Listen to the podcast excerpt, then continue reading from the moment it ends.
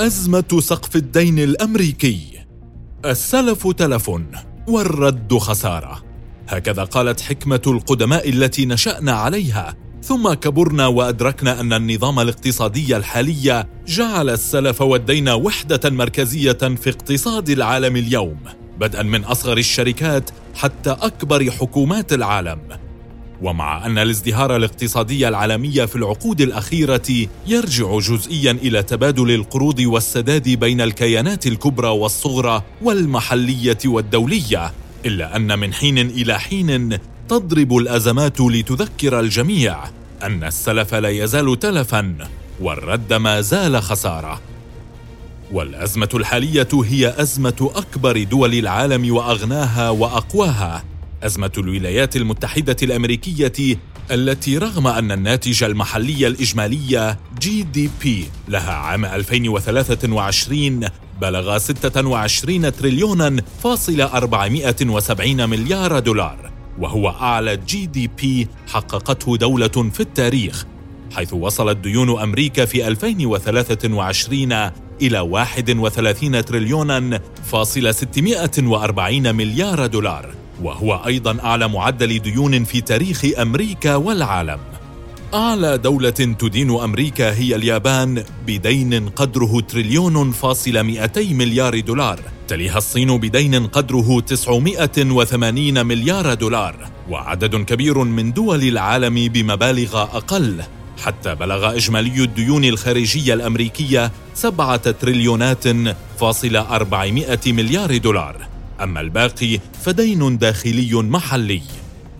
زادت الديون الأمريكية في عهد الرئيس الحالي جو بايدن من 27 تريليونا فاصل 770 مليار دولار إلى 31 تريليونا فاصل 460 مليار دولار أي بثلاثة تريليونات فاصل 690 مليار دولار منذ توليه الحكم. لكن هذا ليس رقما غريبا. فقد زادت من قبل فأصبحت سبعة تريليونات فاصل ثمانمائة وعشرة مليارات دولار في فترة حكم ترامب.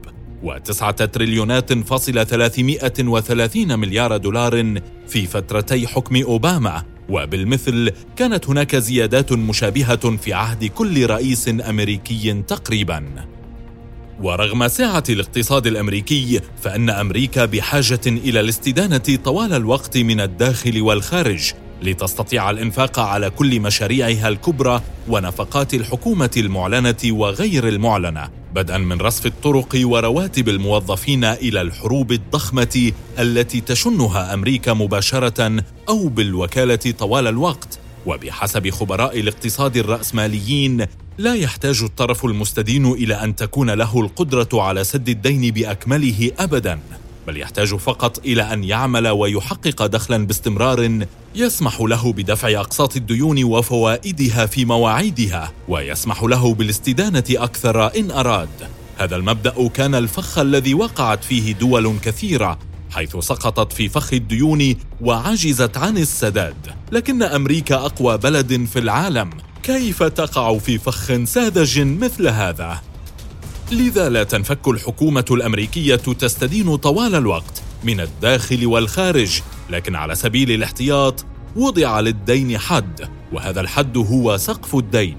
سقف الدين هو رقم معين يعتمده الكونغرس الأمريكي باعتباره الحد الأقصى للاستدانة كي تتمكن الحكومة من دفع مستحقات الدائنين في موعدها. وهذا الرقم كان يتعدل طوال الوقت بناء على الاحتياجات التي لا تنقطع لمزيد من الديون غير أن تعديله يتطلب اجتماع الكونغرس والموافقة على تحريك سقف الدين وهنا تكمن الأزمة. وضع سقف الدين للمرة الأولى عام 1917 لتمويل الحرب العالمية الأولى وكل مرة يزيد فيها الدين الأمريكي يجتمع الكونغرس للاتفاق على رفع سقف الدين. ورفع السقف 78 مرة منذ عام 1960 منهم 20 مرة منذ 2001 لكن الصراع السياسي الداخلي اللانهائي بين الديمقراطيين والجمهوريين قد جعل عملية رفع سقف الدين التي كان يفترض بها أن تكون روتينية ساحة صراع أخرى بينهما. ومنذ 2011 كلما اقترح رئيس أمريكي رفع سقف الدين تعقد أطراف الحزب المغاير له في الكونغرس العملية ويستغلونها لتفاوض يعيق أهداف الحزب الآخر ويحقق أهدافهم. وهذا بالضبط ما يحدث الآن. فالدين الأمريكي تجاوز 31 تريليون دولار وهو أقصى حد حسب آخر مرة رفع فيها السقف عام 2021 والرئيس بايدن يطلب من الكونغرس رفع سقف الدين لأن الديون تتزايد بمعدل مرعب بعد رفع معدلات الفائدة طوال العامين المنقضيين أكثر من مرة لمواجهة التضخم وتباطؤ النمو.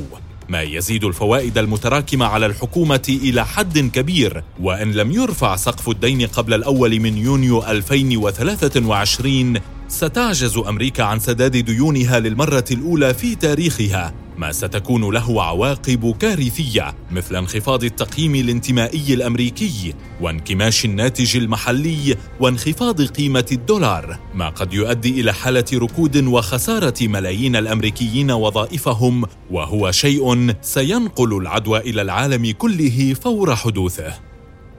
في حين يطالب بايدن الكونغرس برفع سقف الدين فورا بلا شروط لا يرفض المجلس ذو الأغلبية الجمهورية حاليا رفع سقف الديون لكنه يطالب الجمهوريين في المقابل بخفض الإنفاق الحكومي بقدر هائل ما يتضمن حجب تمويل كثير من قرارات الرئيس الحالي ومشاريعه منها ما يتعلق بإعانات البطالة والاحتباس الحراري وغيرها. وهذا على خلفية اقتراب الانتخابات الرئاسية الجديدة في العام المقبل. يرفض جو بايدن وحزبه المطالب الجمهورية رفضا تاما ويعتبر أن عدم الموافقة بلا شروط على رفع سقف الدين بمنزلة قتل للاقتصاد الأمريكي.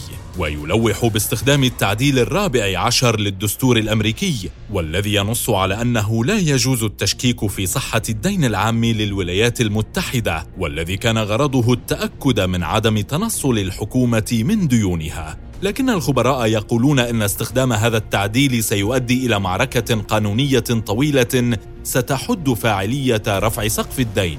المفاوضات حتى الآن بين الديمقراطيين بقيادة الرئيس جو بايدن والجمهوريين بقيادة رئيس مجلس النواب كيفن ماكارثي لم تصل إلى شيء لكن هذا قد يتغير في أي لحظة ولعل في الوقت الذي يستغرقه تسجيل ما تسمعه الآن وإنتاجه قد يصلان إلى حل وسطي يؤمن الاقتصاد الأمريكي قد يرضخ ايا من الجانبين لمطالب الآخر.